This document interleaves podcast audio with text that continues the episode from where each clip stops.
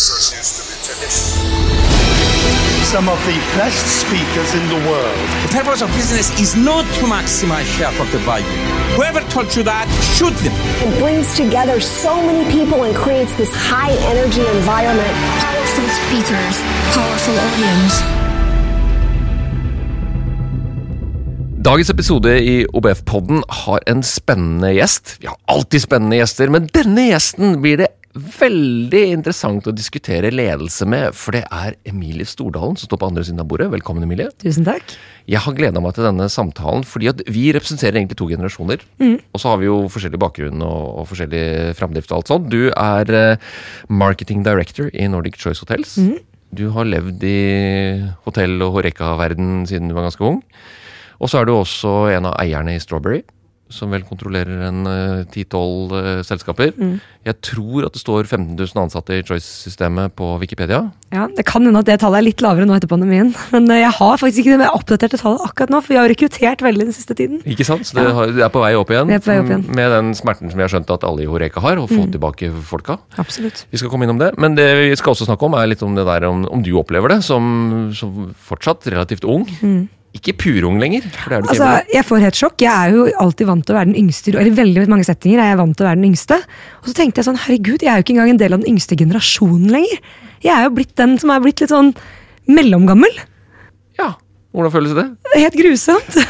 Nei da, det kjennes bra. Men først og fremst, hva gjør en eh, marketing director i Nordic Choice Hotels, eh, Emilie? Oi.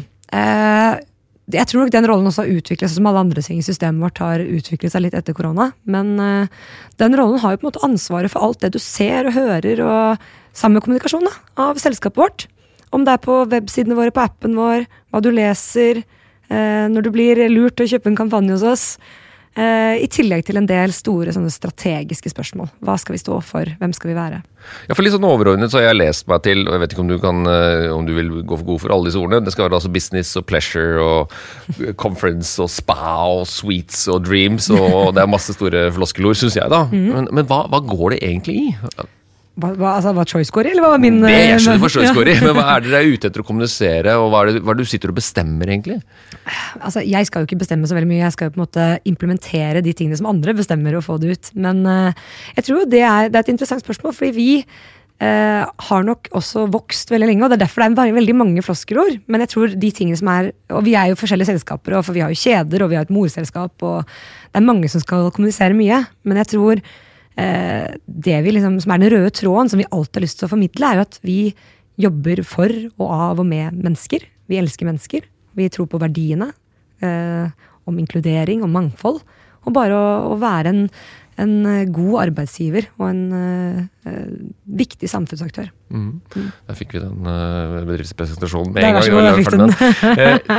du har jo også bakgrunn fra Du har jo studert Ja. i utlandet, i England. Mm. Og studert uh, administrasjon, altså markedsføring og ledelse, rettet mot hotell og hotelldrift. Ja, var, I New York var jeg faktisk i fire år på bacheloren min og hadde hotelldrift der. Og så var jeg i strategisk markedsføring i London. Hvor tidlig visste du at det var dette du skulle drive med? da? Nei, jeg har jo eh, egentlig Jeg har jo vært veldig bevisst på at du skal bare gjøre den jobben hvis du syns den er spennende, og hvis det er, det er genuint. Eh, Så jeg har jo testet andre ting. Jeg har vært konsulent, og jeg har eh, snust på mange forskjellige bransjer. Jeg har vært innom fly og olje og gass og el- elbiler og alt mulig rart. Men så er han faren min en god selger, da. Han vet hva han driver med. Og så er reiselivsbransjen faktisk veldig veldig spennende. Og er det, er det sånn passion som har vokst på deg? For jeg vet jo det står omtalt i forskjellige medier at Mm. du debuterte allerede som 15-åring. Mm.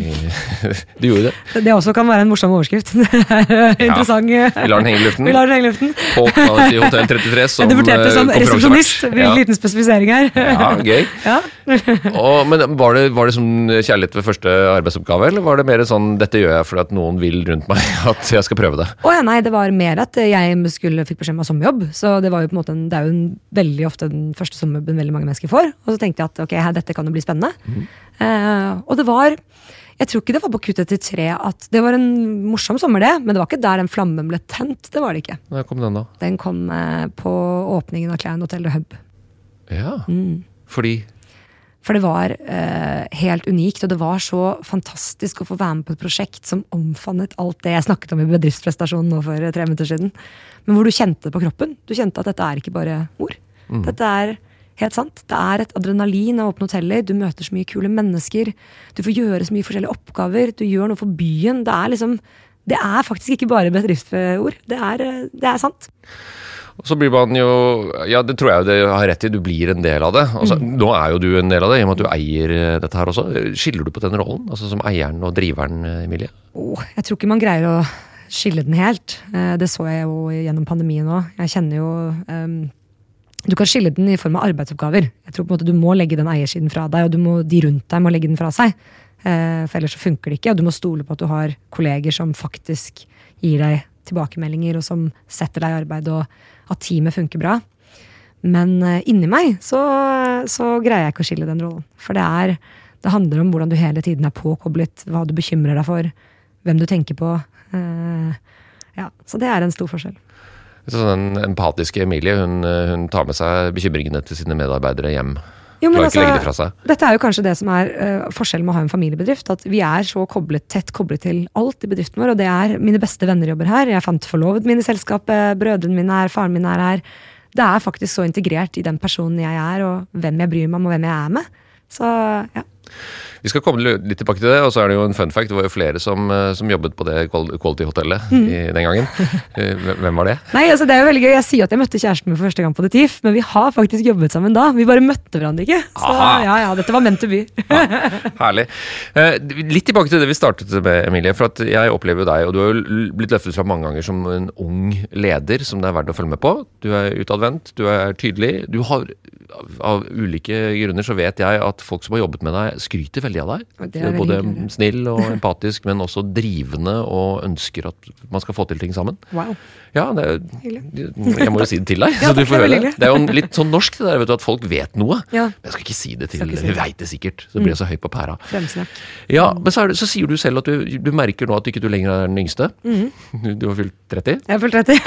og har stort Det er veldig ansvar. rart å bli kalt gammel når du er liksom fylt 30. Jeg har lyst til å spørre sånn. Ja, sorry. Men, men er det forskjell? Altså, jeg, jeg, jeg, i, i, I forkant her så snakket jeg om Jeg tror jo at det er noen sånne generasjonsgreier, men det er også et tall. Det, alderen vår er bare hvordan vi føler oss, tror jeg.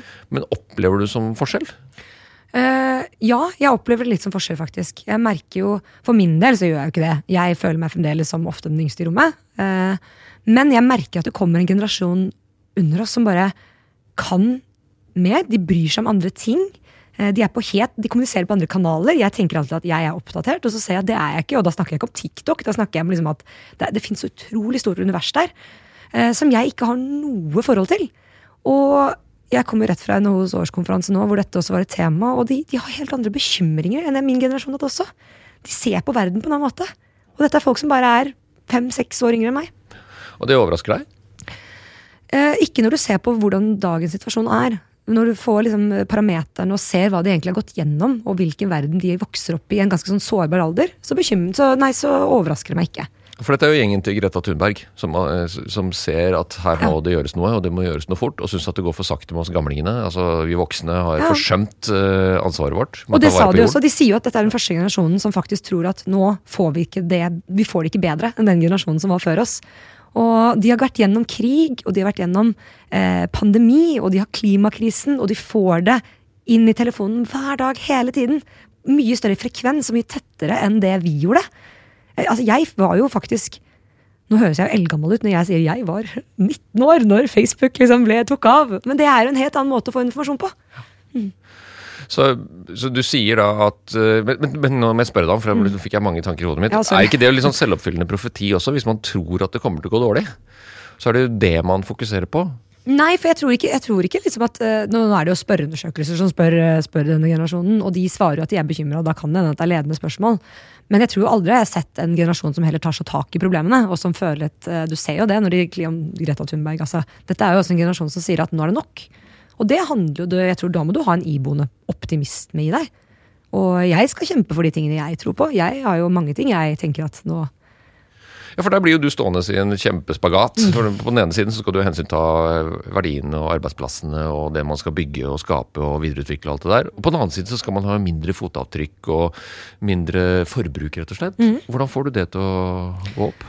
Nei, Man må jo prøve å ta litt bevisste, altså igjen bevisstgjøre, ha kunnskap, se ting fra andre perspektiver, som vi pratet om litt innledningsvis i dag, og være litt streng med seg selv. Men jeg tror på en måte at bærekraft er jo um, er et vidt begrep, og jeg tror det er veldig mye der vi fremdeles kan bli veldig mye bedre på. Eh, bærekraft, liksom, Men det handler om ikke bare klima og grønne avtrykk, men det handler om også den hvordan gjør vi ting mer effektivt? Hvordan har vi smarte løsninger? Hvordan investerer vi i teknologi og mennesker? Og ja, et, her kan man jo virkelig snakke i mer enn 40 minutter. Ja, Det er jo ikke bare bærekraft. Det er likestilling, det er like muligheter, det er eh, kunnskap vi trenger, og ikke minst automatisering. Altså For effektiviseringen i økonomien kommer jo til å Det er jo ikke bare lagrene som blir robotifisert. Det er jo ikke så lenge til en del eh, manuelle arbeidsoperasjoner gjøres av roboter som jobber om ikke 24-7. Så, så, man må jo lære opp menneskene til å gjøre andre ting. Og det er, og det er liksom, det, Apropos den unge generasjonen nå. det er jo Fire av ti unge sier nå at de er redd for å ikke få den jobben de ønsker seg. Og det er også et, ganske, det er et høyt tall. Ja, var det ikke sånn når du var ung? Jo, men nå vet jeg ikke hva tallet var når jeg var eh, for ti år siden. ganske likt, faktisk. Tror du det? Ja. Ja, kanskje. Men det har jo skjedd veldig mye de siste ti årene. Det har skjedd mye, men jeg tror vel enhver samtidig vil mene at nå skjer det mye. Så ja, vi kunne tatt en tidsreise Det er nå jeg merker jeg sitter med en historiker her. Ja. jo, jo, vi glemmer det, ikke sant. Vi blir litt fartsblinde også. Og så er det litt det, Vi får liksom den utviklingen vi nesten fortjener. For det er jo ikke sant? Store arbeidsgivere, store samfunnspåvirkere, mm. de kan vri oss mot det optimistiske.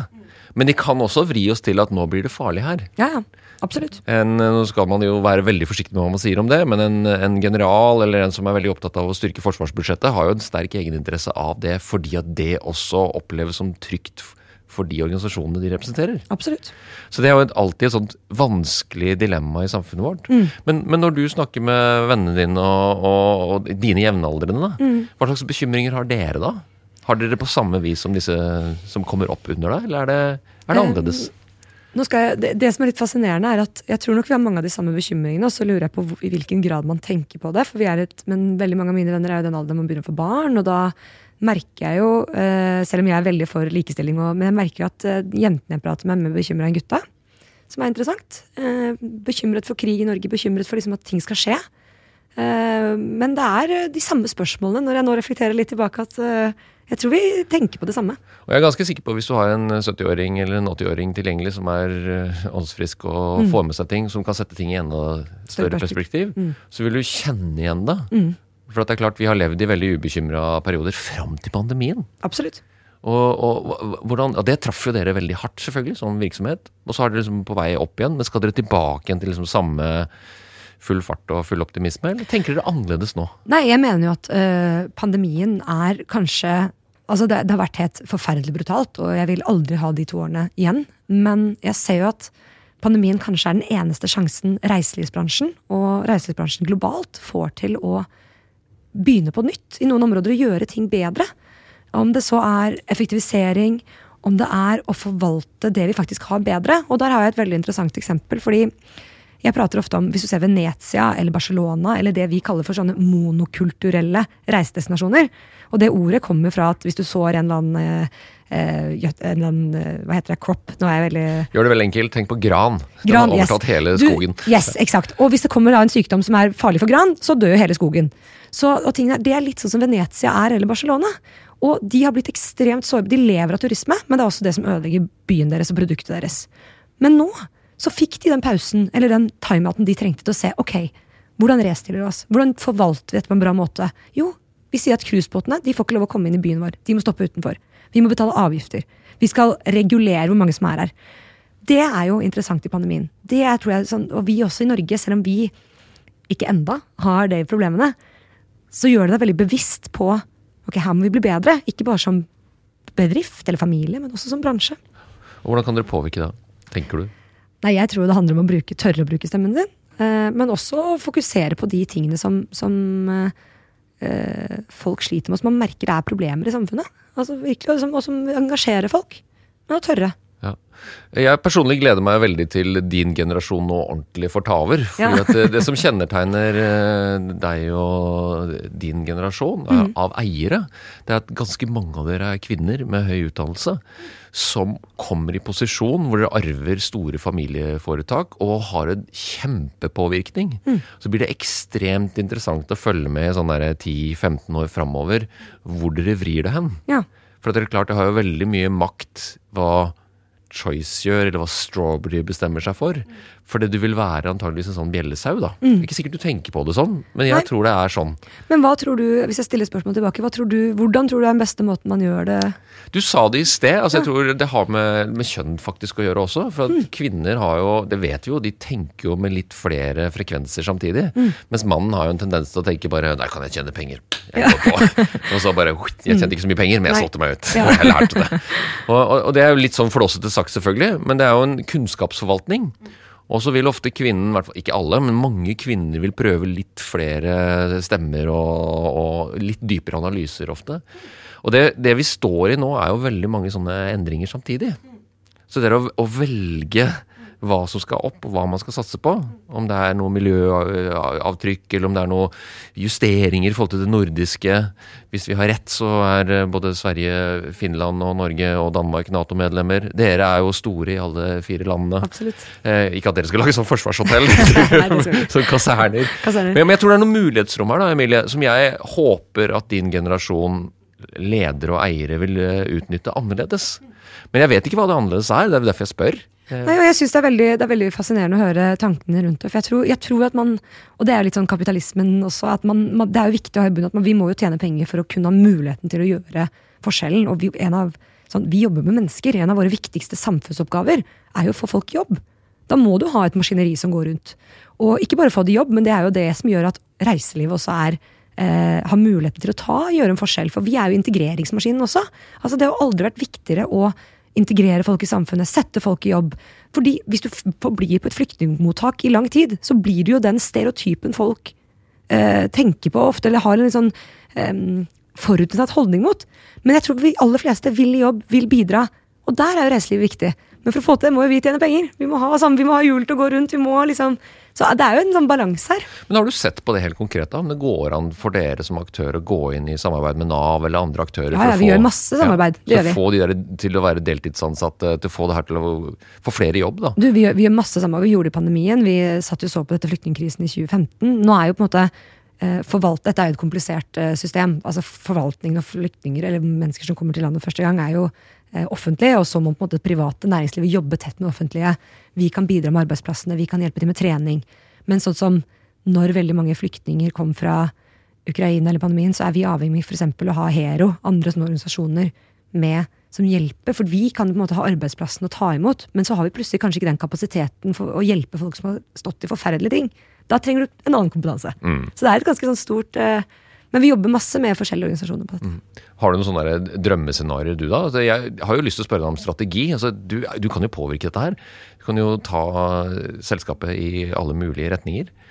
Nei, altså, jeg, min, min drøm er jo å jobbe i et selskap som faktisk gjør nytte for samfunnet. Og det, og bare, liksom, og det høres litt sånn klisjé ut, men det er, det er jo det som er kult med reiseliv. Nei, det er ikke bare hotell, det er ikke bare restauranter.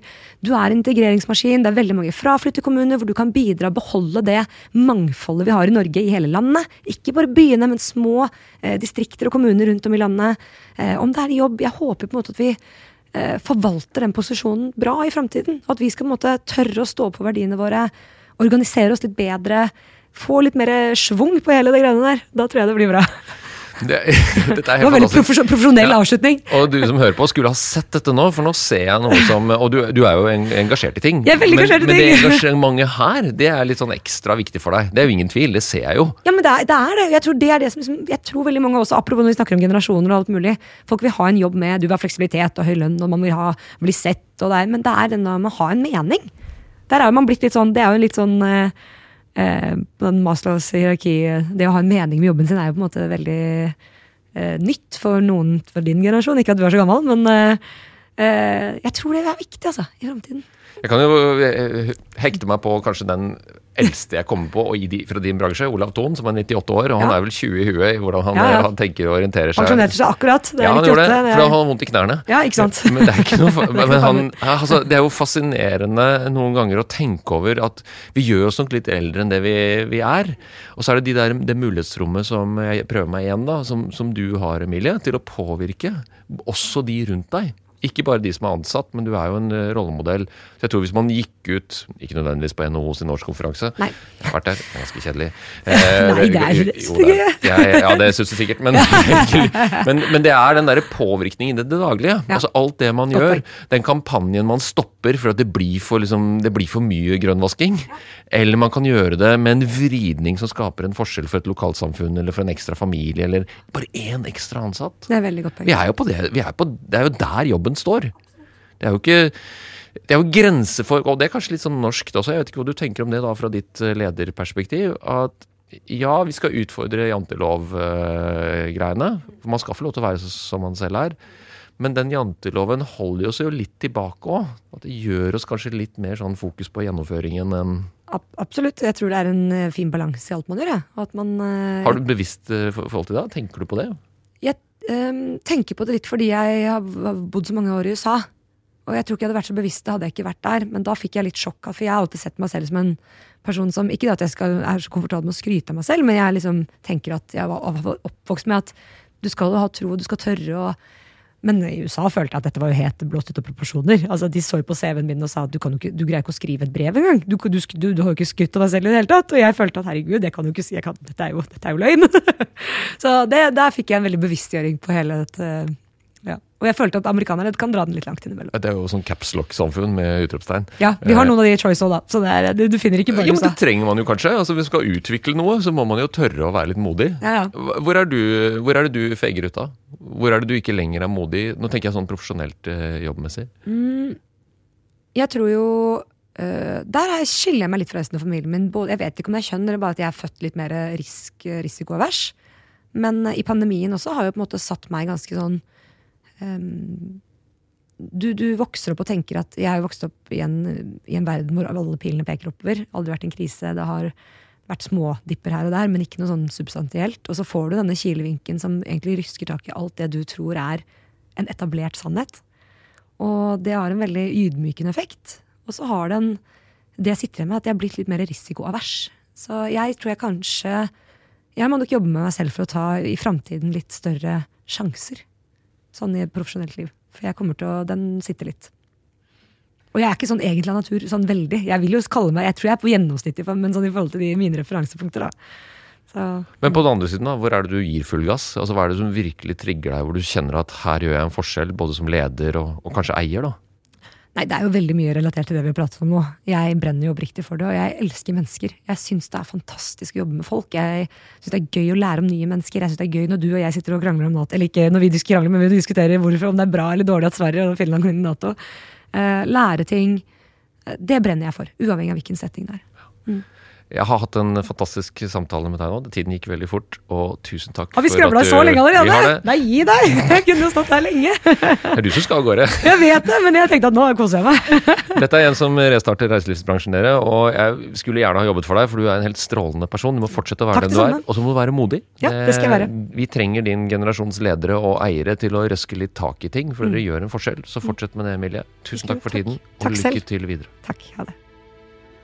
Hvis du likte denne podkasten, hadde vi satt utrolig stor pris på om du abonnerte og gir oss en tilbakemelding i avspilleren. This is Houston, it's edition.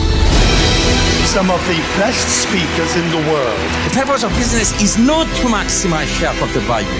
Whoever told you that, shoot them. It brings together so many people and creates this high energy environment. Powerful speakers, powerful audience.